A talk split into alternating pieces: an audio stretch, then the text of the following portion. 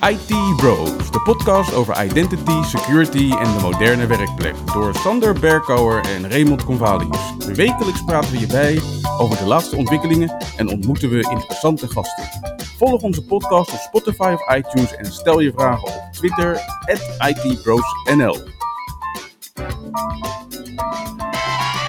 Ik ben Raymond Convalius. En mijn naam is Sander Berkouwer. Welkom bij aflevering 36 van de IT Bros podcast. Met in deze aflevering het meest recente nieuws, aankomende evenementen en wederom een productiviteitstip van Ray.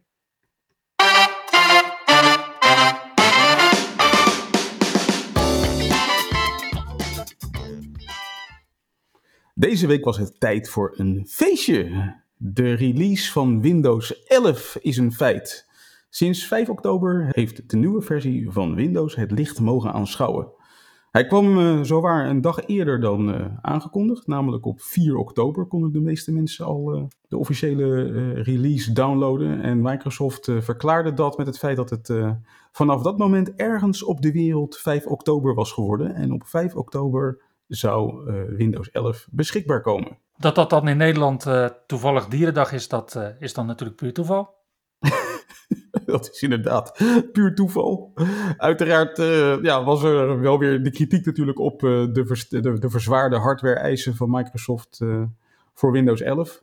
Maar er is licht aan het einde van de tunnel, want Microsoft heeft een registry key beschikbaar gesteld die het mogelijk maakt om deze extra eisen aan de CPU en de TPM te omzeilen. Ja, nou hoor ik heel veel mensen die vinden dat vreemd. Van ja, waarom zou Microsoft dat doen? Er zijn natuurlijk heel veel andere redenen, waaronder dat je nu Windows 11 ook op uh, virtual machines kunt uh, draaien, die nog geen virtualization-based security ondersteunen.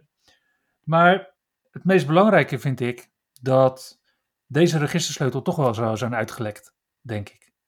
En dat er dan mogelijk kwaadwillenden zijn die, nou, we noemen het maar, toeltjes ontwerpen Daarbij bedoel ik niks ten koste van Roeltje Toeltje. Uh, maar die dan toeltjes ontwerpen die niet alleen deze registersleutel zetten, maar ook gelijk wat malware installeren. En op deze manier is Microsoft uh, dat soort uh, fratsen wel voor. Ja, ja, met een heleboel disclaimers. Ja, uiteraard. Maar goed, in ieder geval ook zonder recente CPU en zonder TPM kan je dus Windows 11 installeren. Tegelijkertijd met uh, die release van Windows 11 kwam er ook een nieuwe Windows Insiders beeld uit. En dat was best wel gek, want hij kwam uit op maandag in plaats van op donderdag. En dat was beeld nummer 22471 in de developer ring van Windows 11. En ja, eigenlijk zat er helemaal niks nieuws in. Een paar uh, bugfixes en geen nieuwe features. Ja, terwijl we wel afgelopen maand voor Windows Server 2016 en 2019 en zelfs voor Windows Server 2022 updates zagen voor de service stack. Dus ik heb wel het vermoeden dat ze aan het werken zijn om updates weer wat lekkerder te laten verlopen. Ongetwijfeld, ja. Ik denk dat ze zichzelf wat extra ruimte hebben gegeven om misschien eind volgende week met een extra grote update te komen van de developer wing van Windows 11. Hmm, met nog meer nieuwe features. Ja, nu hebben ze zeg maar anderhalve week om daar naartoe te werken. Ja, ja, want iedereen is natuurlijk al helemaal op de hoogte van alle nieuwe features in Windows 11. Toch? Ja, ach. Als je nieuwsgierig bent naar de nieuwe features in Windows 11, de belangrijkste nieuwe feature van Windows 11 is denk ik uh, de user interface met het startmenu wat nu in het midden van je scherm staat. En uh, ja, er zijn allerlei uh, spulletjes van plek veranderd. En misschien is ook wel, ja, voor zover het nieuw is voor Windows 11, de Microsoft Store een van de mooiere nieuwe features in Windows 11. Maar die komt binnenkort ook naar Windows 10, heb ik me laten vertellen. Dus kwade tongen zouden dat samenvatten als we hebben een nieuwe manier gevonden om onze oudere medewerkers weer een stukje te irriteren. En er zijn nieuwe features die we toch niet gebruiken. We gaan het zien. Misschien wordt uh, Windows 11 in de loop van de tijd aantrekkelijker. Maar uh, voor nu, ja, het is vooral mooi. Dus als je je Windows een mooi nieuw uiterlijk wil geven, ga vooral naar Windows 11. Nou hoorde ik ook dat er een Windows 10 21H2 release is uitgebracht. Dat klopt. Tegelijkertijd met de Windows 11, die Microsoft ook 21H2 noemt. Ja, nou ja, goed. Kijk, wat je natuurlijk hebt nu is dat met name enterprises zijn over het algemeen nog niet zo ver om naar een nieuw OS te gaan.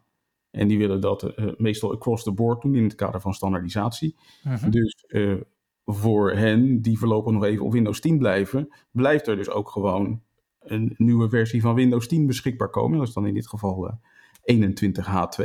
En daarvan weten we natuurlijk ook allemaal wat daar de nieuwe features van zijn. Ja, ik, ik zeg het ook. Weet je, misschien ben ik een beetje plagerig vandaag. dat kan. Maar ik, ik merk ook dat Microsoft op de website gewoon een aantal dingen nog niet op orde heeft. Ik was op zoek naar de nieuwe group policy settings in Windows 11. Mhm.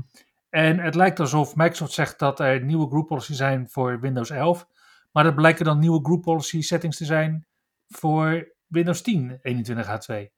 Ik geloof dat ze er nog niet helemaal uit zijn. Ik denk dat ze ook bij Microsoft nog een beetje aan het wennen zijn aan het idee dat de Windows 10 toch niet de laatste versie was van Windows. Ja, en dat het group policy team toch niet helemaal lekker communiceert met het Windows 11 team.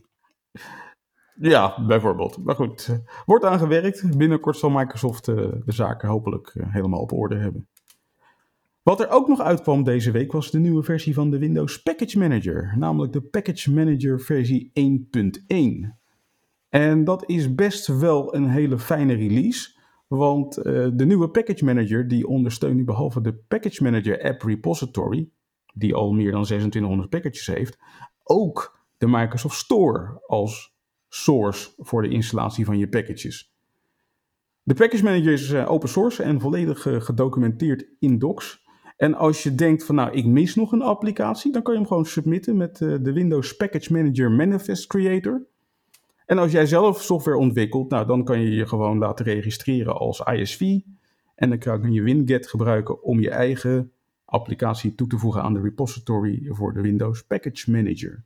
En voor die beheerders die zoiets hadden van, hey, er is toch eigenlijk niks nieuws in Windows 11. Ja, ook de Windows Package Manager kun je nu met Group Policy beheren. Ja, en als je de Windows Package Manager nog niet hebt, je kan hem installeren vanuit de Microsoft Store. En als je hem al had, de update of de upgrade naar versie 1.1 gebeurt automatisch omdat je hem al had geïnstalleerd vanuit de Microsoft Store. Yep. Vanuit VMware zagen we ook een nieuwe release, namelijk vSphere 7.0 Update 3. Dat is inderdaad die release die ze elke zes maanden doen.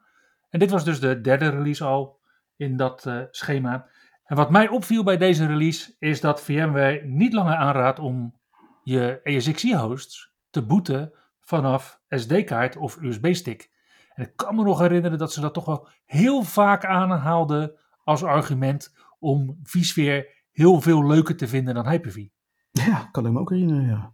Maar het blijkt dus helemaal niet zo betrouwbaar te zijn als medium. Nee, daar kan ik me iets voor voorstellen. Zo'n SD-kaartje blijft toch een redelijk uh, zwak, kwetsbaar, fragiel dingetje.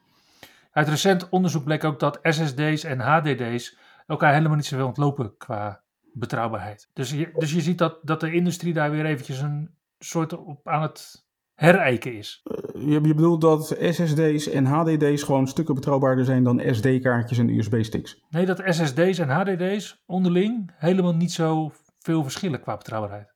Nee, precies. Maar ze zijn wel veel betrouwbaarder dan SD-kaarten en USB-sticks die VMware zo propageerde als een geweldige bootmedium voor je ESXi-server.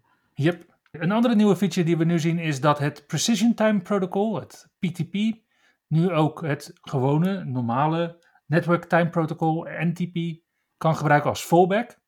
Dus waar heel veel beheerders in nou ja, onder andere industriële omgevingen al aan het standaardiseren zijn op, P2, op P2P, maar dan dus ja, daar toch wat last van ondervonden, kunnen ze dat nu veel makkelijker doen met die fallback naar NTP.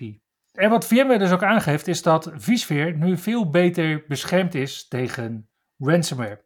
Ga je dan in de kleine lettertjes lezen, dan lees je dat VMware nu een vSphere Security Configuration Guide heeft uitgebracht, waarmee je nog makkelijker aan auditors kan uitleggen hoe je met je vSphere implementaties voldoet aan wet en regelgeving. En volgens mij is dat ook hard nodig, want uh, ik las ergens dat er een uh, Python ransomware script uit is gekomen, wat specifiek gericht op uh, eh, ESXi servers, om vooral eventjes al je images goed te encrypten. Ja, je, je, ziet dat kwaadwillenden inderdaad ook steeds meer nu grondiger te werk gaan. Je weet wat ze vroeger zeiden, weet je, er zijn drie manieren om het bedrijf te gronden te richten. De snelle manier met auto's, de leuke manier met vrouwen en de grondige manier met SAP. nou, nu zie je dus dat die grondige manier is eigenlijk dus met, uh, met ransomware. En je ziet dat ze inderdaad steeds grondiger te werk gaan. Dus ja, waarom zou je elke individuele server, elke individuele werkplek gaan ransomwaren als je ook gewoon hele ESXi-hosts uh, in één klap en daarmee hele VDI-omgevingen bijvoorbeeld uh, kunt platleggen? Ja, dan ben je inderdaad grondig te werk gegaan. Volgens mij zijn ze afgelopen tijd ook grondig te werk gegaan bij Twitch.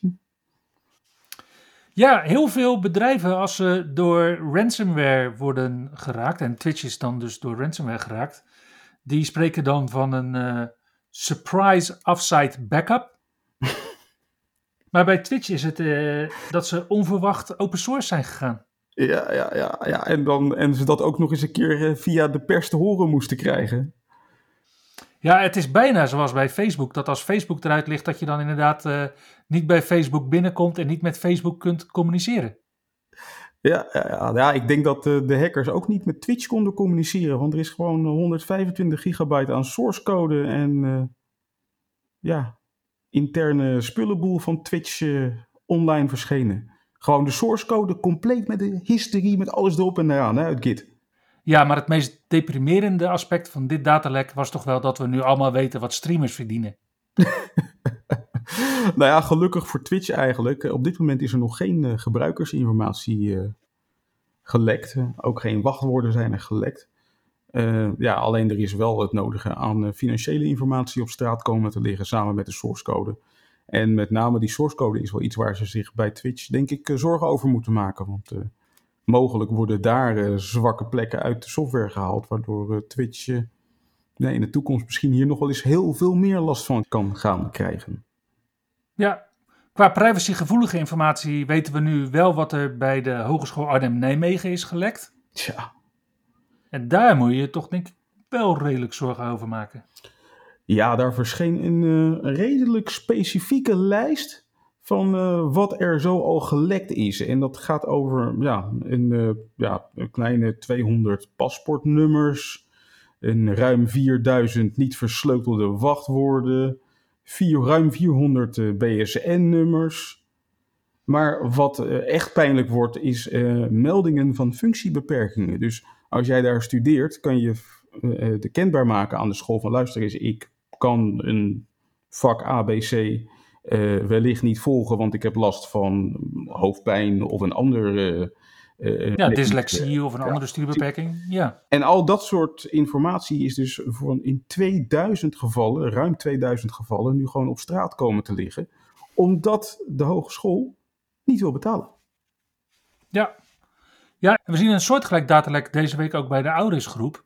Dat is een organisatie die zich bezighoudt met zorgonderwijs en ambulante begeleiding voor mensen met een nou, taalontwikkelingsstoornis of die doof of slechthorend zijn. En ja, als je dan kijkt naar de AVG, dan zie je dat dat wel allemaal informatie is die heel specifiek is. Ja. Die heel vertrouwelijk is. Waar je als organisatie ja, eigenlijk op een andere manier mee om moet gaan dan ja, de hand in ieder geval gedaan heeft. Nou ja, behalve dan zeg maar dat je het hebt over een andere manier mee omgaan, daar had ik altijd er vandaag nog over met een collega. Kijk, het is hartstikke leuk dat zo'n hogeschool zegt: wij betalen niet aan ransomware hackers, want wij onderhandelen niet met terroristen. Dus een beetje zeg maar de, het, uh, de, de quote die men daarvoor hanteert. Maar het gaat hier dus wel over informatie die eigenlijk informatie is van derden. Het is niet eens de informatie van de school. Het is de informatie van jou en van mij. Waarvan de hogeschool zegt van wij betalen jou niet, en jij zet dat spul maar lekker online. Interesseert ons niks. Ik denk dat we erop kunnen wachten op het punt dat organisaties die dit doen, een rechtszaak aan hun broek krijgen van de gedupeerden. Ja, en ik denk ook dat bepaalde branches, en we hebben het nu toevallig over, over het onderwijs, maar ik denk ook dat bepaalde branches daar ook wel meer problemen mee hebben dan andere. We lazen bijvoorbeeld deze week ook in het nieuws dat eigenlijk dat leraren eigenlijk nooit iets weggooien dat is gewoon een cultuurdingetje. Ja. Ja, die zien ook het gevaar niet natuurlijk. Die, die denken van nou, het is handig dat we dat bewaren. En die zien daar niet het risico in dat ze dat misschien op een dag kwijtraken. Of dat het gestolen wordt of dat het online wordt gezet. Ja, of uh, dat het inderdaad helemaal niet uitmaakt dat uh, de toets die je nu krijgt voor Latijn, dat inderdaad een uh, feest van herkenning is als je zelf Latijnse toetsen deed 23 jaar geleden. Het zijn meestal gewoon nog steeds dezelfde vragen en antwoorden. Ja, en uh, dat het goed gaat met de cyberaanvallen deze week bleek wel vanmiddag toen ik naar het uh, nieuws luisterde. Want uh, ook de VDL-groep ging plat. En de VDL-groep is best wel een heel, voor hele forse onderneming. Gewoon 105 bedrijven in een groep, onder andere in Azië en in Amerika. En voor ons denk ik het bekendste onderdeel van deze groep is VDL Netcar in Born. Ja, ik, ik hoorde ook inderdaad het nieuws. En ehm, ja, ik, ik schakelde eigenlijk in en toen zeiden ze dat ja, de productie bij VDL Netcar is uh, niet opgestart vanochtend. toen dacht ik, jeetje, dat klinkt wel als het nieuws van, uh, nou, vijf jaar geleden en tien jaar geleden. Maar het was nu inderdaad een hele andere oorzaak. Niet eens inderdaad chiptekorten, maar gewoon inderdaad wat nu lijkt op een uh, ransomware aanval. Tja. En ja, dan, dan blijft er voor die mensen dus niks anders over dan dat ze elkaar gaan bellen en whatsappen. Ja, en dan hebben ze geluk, want dat kan vanaf vrijdag inderdaad weer. nou ja, wat natuurlijk van de week gebeurde, dat uh, Facebook ging down. En volgens mij hebben ze daarmee het feestje van Microsoft aardig bedorven. Want de headline van het nieuws dinsdag was de netwerkstoring bij Facebook en niet de release van Windows 11. Ja, maar de release van Windows 11 is natuurlijk ook niet zo... Ja, weet je, ik probeer geen grap te maken, maar storend als Facebook. En mogelijk ook niet zo levensbedreigend. Kijk, ik hoorde verhalen over Brazilië, waar hele restaurants inderdaad helemaal op WhatsApp werken. Alle bestellingen, alle betalingen, alles loopt via WhatsApp. Die bedrijven liggen gewoon stil. Ja, nou ja, dat, kijk, wij gebruiken dan uh, WhatsApp. Nou, trouwens, het was niet alleen WhatsApp, het was WhatsApp, Facebook en Instagram die plat gingen. Mhm. En uh, ja, voor ons is ja, Facebook is, is, is nice to have. WhatsApp is, is dat eigenlijk ook wel. Ik bedoel, we hebben voldoende alternatieven. Eh, terwijl uh, het blijkt dus, en dat wist ik eigenlijk helemaal niet, er is een, een soort van gratis internetdienst beschikbaar in Zuidoost-Azië en Afrika. En dat heet Free Basics. En met Free Basics krijg je dus een internetabonnement wat zich beperkt tot de Facebook-diensten op het internet. Nou, en als alle Facebook-diensten op het internet plat gaan, zoals van de week, ja, dan is er dus gewoon geen internet voor die mensen. Maar het was wel een, uh, ja, een uh, heugelijk feit om te zien uh, wat er gebeurt als je zes uur lang geen Facebook hebt. Ja, precies. Wij maar klagen met onze eerste wereldproblemen. ja, nou ja, goed.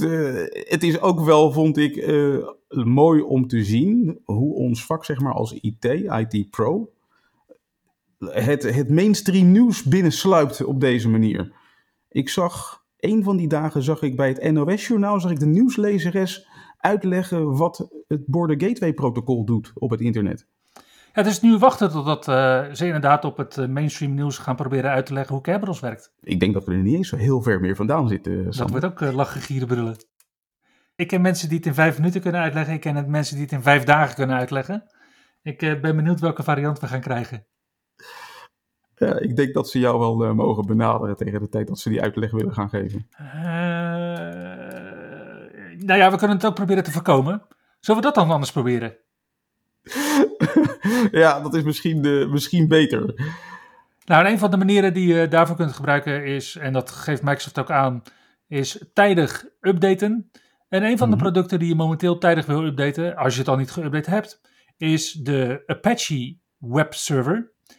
In Apache-versies tot en met versie 2.4.49.0 zit een kritiek zero day lek. Dat hebben ze geprobeerd te, te patchen in 2.40.50.0 maar eigenlijk pas vanaf 2.4.51 is dit lek echt daadwerkelijk gedicht. En zelfs het NCSC heeft er al een tweet aan gewijd om mensen ervan te overtuigen om dit toch echt daadwerkelijk aan te pakken. En nou zullen er luisteraars zijn die denken dat Apache een ver van hun bedshow is. Maar met de verbeterde Windows Subsystem voor Linux features in Windows 11, denk ik dat dat helemaal niet zo heel ver weg is. En bijvoorbeeld een product als Topdesk maakt ook gebruik van Apache. Dus ook dat soort uh, diensten, ook dat soort applicaties en systemen, is toch wel handig om inderdaad langs te gaan. Ja, inderdaad. Ja, en Microsoft maakt er ook wel werk van als je kijkt naar de security van Windows 11. Want eh, de security baseline kwam dus deze week vrijwel tegelijkertijd uit met Windows 11 zelf. En uh, zoals gebruikelijk uh, is die security baseline beschikbaar vanuit de Microsoft Security Compliance Toolkit. En er zitten eigenlijk twee echt nieuwe settings in. Eentje is uh, en voor script scanning, omdat dat nu zowel vanuit de group policy kan als vanuit eh, je MDM met Intune. Mhm. En anderzijds uiteraard, na Print Nightmare, een restrictie van printer driver installaties. Wat nu een, eh, een feature is die eh, ja, wordt aanbevolen om toe te passen bij de hardening van je Windows installaties. Uiteraard bijna, zou je zeggen, hebben ze de Edge Legacy spullenboel eruit gehaald. Want die zit niet meer in Windows 11. We hebben het over Spartan. Ja, Ja. inderdaad. Oude, oude Edge, van, voordat Chromium erin kwam. De Spartaanse versie van Edge. Precies. en en als, eh, als, als extra opmerking, vond, die vond ik wel leuk. Onder eh, de release eh, notes van, van de Windows 11 Security Baseline gaf Microsoft nog even terloops mee van... zet vooral temper protection aan als je Microsoft Defender for Endpoint gebruikt. En vergeet niet, Microsoft Defender for Endpoint, plan 1, komt binnenkort naar Microsoft 365 E3. Dus ook deze opmerking is meer relevant dan je denkt. Inderdaad. hè. Dan zagen we deze week ook nieuws vanuit Yubico rondom een nieuwe YubiKey Bio met fingerprint laser. Toen ik dat las, dacht ik eindelijk. Ja, ja, het, het, is een, eh, het, is wel iets. Kijk, als je gaat kijken naar de filmpjes over passwordless en dat soort dingen, dan wordt er soms ook wel een methode gebruikt met zo'n. Het, gaat om Fido 2 beveiligingssleutels in dit geval. Waarbij ze inderdaad niet aangeven dat je ook een pin moet zetten op het moment dat je zo'n beveiligingssleutel gebruikt. Omdat het anders inderdaad eigenlijk geen multifactor authentication is. Precies. Je moet iets hebben wat je hebt, dat zou dan de sleutel zijn. En iets wat je weet of bent. Nou, in dat geval dus iets wat je weet, namelijk de pin Mhm. die bij, dat, eh, bij die key hoort. En nu zegt Yubico dus, en ze zijn er inderdaad niet de eerste in, van oké, je kunt dus ook, als je zo'n YubiKey hebt, kun je ook aangeven van ik wil beveiliging op basis van datgene wat ik heb. Of eigenlijk kan bewijzen dat ik heb. Door het dus in je USB eh, te steken. En iets wat ik ben, namelijk mijn vingerafdruklezer. Die ik dus voorafgaand eenmalig een keer heb geregistreerd. En die dus inderdaad op een beveiligde manier op die YubiKey wordt opgeslagen. Ja. Ja, ik vind het op zich eh, heel handig dat dit kan. Ik ben ook blij dat eh YubiKey het nu ook heeft. Ik kreeg trouwens een paar weken terug, dat was wel erg leuk, kreeg van Jan Bakker kreeg ik een, een, een andere FIDO 2 key die dit ook kan, van eh, een merk AT Key. Mhm. En toen heb ik dat ook uitgeprobeerd en dat, dat werkt eigenlijk best wel heel fijn. En, en wat dan de AT-key vind ik voor heeft op YubiKey, is dat de AT-key die kan eigenlijk eh, volledig autonoom, dus zonder extra software, kan die je fingerprints leren, je vingerafdruk. Oké, Dus je hoeft hem alleen maar zeg maar in een, eh, in een, een, een powerpack te steken, bij van spreken. Mhm. Dat je power hebt op dat ding en dan kan je hem vingerafdrukken laten leren. Oké, en ondersteunt die sleutel die Jan Bakker jou gaf ook NFC of niet? Daar zit geen NFC in, nee, helaas. Nee, deze YubiKey heeft geen NFC, maar wel USB-A en USB-C. Mhm. En Yubico geeft aan dat deze key geen NFC heeft, omdat daarvoor het stroomverbruik te hoog zou zijn. Dan zouden ze moeten gaan werken met een batterij. Dan moet je de batterij weer gaan wisselen. Nou, dat is allemaal niet handig. Hm. Weet je, dan kom je allemaal weer in, in, in, eigenlijk in de hele wereld van pijn terecht die we kennen nog van de, de, de, de RSA-tokens eigenlijk. Ja. Die dus drie jaar meegaan. Nou, dat wilden ze allemaal niet. En daarom hebben ze dat ding dus geen NFC eh, meegegeven. Oké. Maar ja, misschien is er, eh, misschien is er binnenkort wel een, eh, een Willy Wortel die dat wel eh, bedenkt.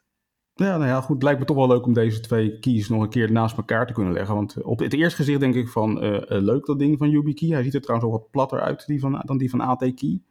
Mhm. Eh, ik vind het voordeel van AT-Key is inderdaad dat je zeg maar, autonoom die vingerafdrukken kan gaan aanleren. En als ik het nu lees over YubiKey, dan heb je software nodig om de vingerafdrukken Ja. te programmeren in die stick. ja, dus Yubico heeft echt bedacht van, goh, de meest gebruiksvriendelijke manier om die keys te enrollen is gewoon via een grafische interface. In plaats van inderdaad eh, dat eh, op het apparaat zelf te doen. Ja. En die software die heb ik al een hele lange tijd op mijn eh, apparaat staan, want er zijn ook andere dingen die je daarmee kunt doen. En dat is best wel gebruiksvriendelijke software. Oké. Nu is oktober sowieso cyberveiligheid maand. Mhm. Dus ja, ik, je zult deze maand heel veel horen over Fido 2 beveiligingssleutels.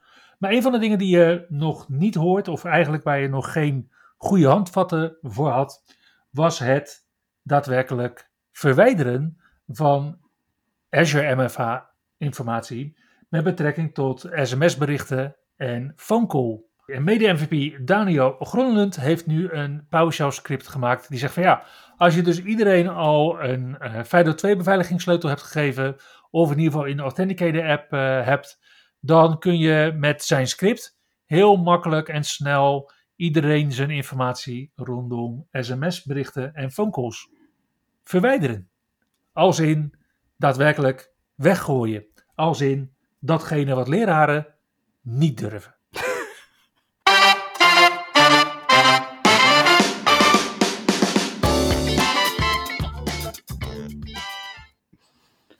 Nou, Sander, volgens mij uh, gaan we een drukke evenementenweek tegemoet komende week. Ja, het zijn vooral uh, virtuele evenementen. Maar we beginnen en we eindigen de week met een fysiek evenement. Oké. Okay. En het eerste fysieke evenement, dat is gelijk uh, 11 en 12 oktober. Dat uh, vindt plaats in Mechelen. En dat is Dataminds Connect. En dat is een tweedaags evenement. Met vooral een focus op Microsoft Data en Artificial Intelligence Platform. Ja, vroeger noemden ze dit dus de SQL Server Days. En nu heet dat dus Dataminds Connect. Voor de veertiende keer alweer dit jaar. Nou, dat doen ze goed daar in uh, Mechelen. Yes.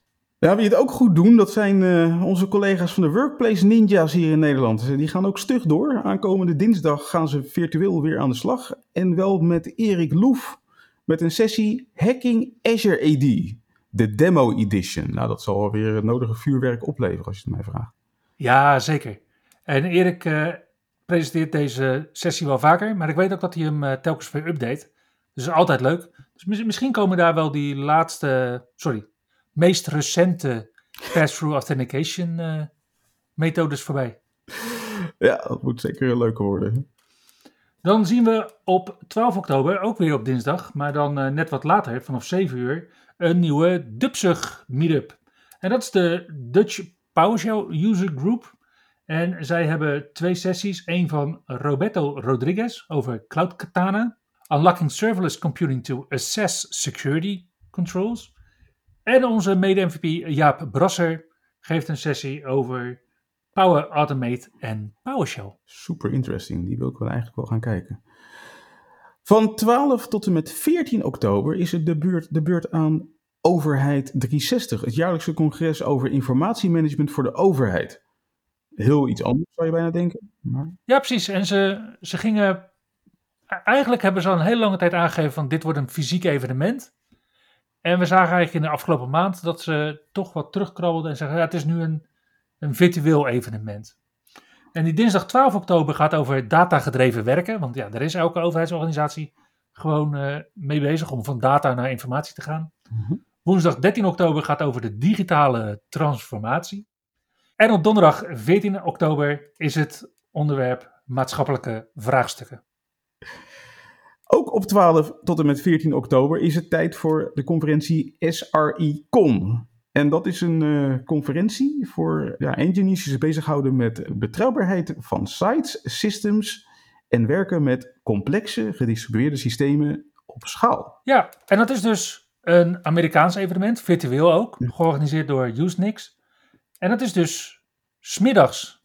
Dus ja, als je echt zou willen, dan zou je dus en sessies kunnen volgen op Overheid 360 en dan inderdaad smiddags weer bij SRE kon uh, kunnen aansluiten. Zo, inderdaad. En dan heb je misschien nog wel kans dat je nog een gebakje kan meepakken voor je collega's. nou ja, goed. Op 14 oktober is het weer tijd voor de Microsoft 2021 Fall Security Series. En deze keer is het de beurt aan Anna Dubovitskaya. En die heeft een sessie over cybersecurity fundamentals, exploiting vulnerabilities in Azure Stack Hub. Ja, ik vind het een beetje. Ik vind het laag. Weet je wel, ja. Dus we hebben een product waar we eigenlijk niks meer mee doen. Dat is allemaal Azure Stack HCI geworden. Dus gaan we, gaan we nu ook vanuit Microsoft al actief legacy dingen dan aanvallen? Ja, ja dan sporen ze je aan om er uh, vanaf te stappen, toch? Ja. Of is dit misschien een soort opwarmetje richting, ook op 14 oktober, de Sys Internals jubileum 25-jarig feestje. Tja. Ja, daar hebben we het vorige week al even over gehad. Hè? Mark Ruzinovic viert dat hij 25 jaar geleden sys-internals heeft bedacht. En dat doet hij met een, eh, een, een eigen evenement van een hele dag. Waarin eh, diverse mensen aan het woord komen over de tools uit de sys-internal suite. Waarin onder andere uh, ja, Seth Juarez gaat Mark uiteraard interviewen. Maar er komen ook presentaties voorbij van onder andere Sami Laiho, Aaron Margosis, Andrew Richards en Pavel Josifovic. Ja, dat, dat wordt wel een feestje. Absoluut.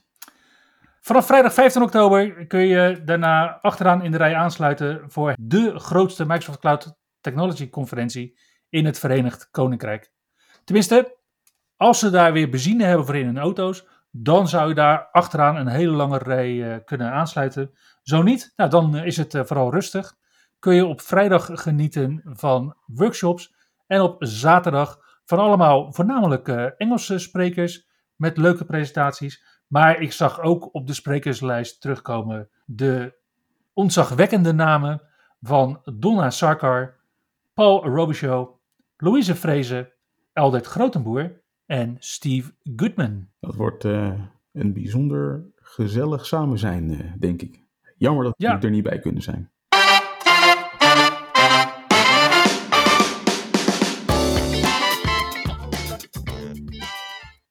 Hey Ray, we gaan weer allemaal terug naar kantoor. Heb jij een uh, productiviteitstip voor alle kantoortijgers die weer in PowerPoint-fantasieën gaan botvieren op hun collega's? Ja, ja, ik kwam er eentje tegen, want uh, Windows 11 heeft het gedrag van uh, Windows P aangepast. En dat is met name vervelend als je wil connecten naar je wireless display adapter. Als je zo'n mooie, zo'n mooi scherm hebt waar je draadloos naartoe kan connecten om je PowerPoint weer te geven. Dan deed ik altijd Windows P en dan stond er een linkje connect to your wireless display adapter. Dat linkje is weg in Windows 11. Dan moet je eerst doorklikken naar, ik geloof, More Options of More Settings. En dan vanuit die More Settings moet je dan weer naar beneden scrollen. En dan heb je daar ergens een knopje om te connecten. En het kan dus sneller. Voortaan als je gaat connecten naar je wireless display adapter, dan moet je gebruik maken van Windows K. Met de K van cast. Of de K van, uh, kijk mij dan presenteren. Of de K van, uh, hey Koekwous, even opletten op mijn uh, presentatie, vriend. Precies. Maar als je dus Windows K gebruikt, dan krijg je in één keer dat lijstje te zien van beschikbare wireless display adapters. Waar je naartoe kan connecten om je wireless display weer te geven op dat scherm. Gaaf. Dus vergeet Windows P en doe voortaan Windows K. Voor een draadloos scherm. Ja, en voor bedraden schermen kan je nog steeds gewoon Windows P gebruiken. Inderdaad. En Windows P werkt natuurlijk ook gewoon nog steeds prima in Windows 10. Alleen in Windows 11 is het nieuw. Ja, anders. En hebben we toch een mooie nieuwe feature van Windows 11 behandeld in deze podcast. Toch nog. Daarbij zijn we gekomen aan het einde van aflevering 36 van de IT Bros podcast. Bedankt voor het luisteren en tot de volgende keer. Tot de volgende keer. Je luisterde naar IT Bros, de wekelijkse podcast over identity, security en de moderne werkplek. Abonneer je op Spotify, iTunes of Google Podcast als je de volgende aflevering niet wilt missen. Heb je hints of tips? Laat dan van je horen op Twitter. @itbrosnl.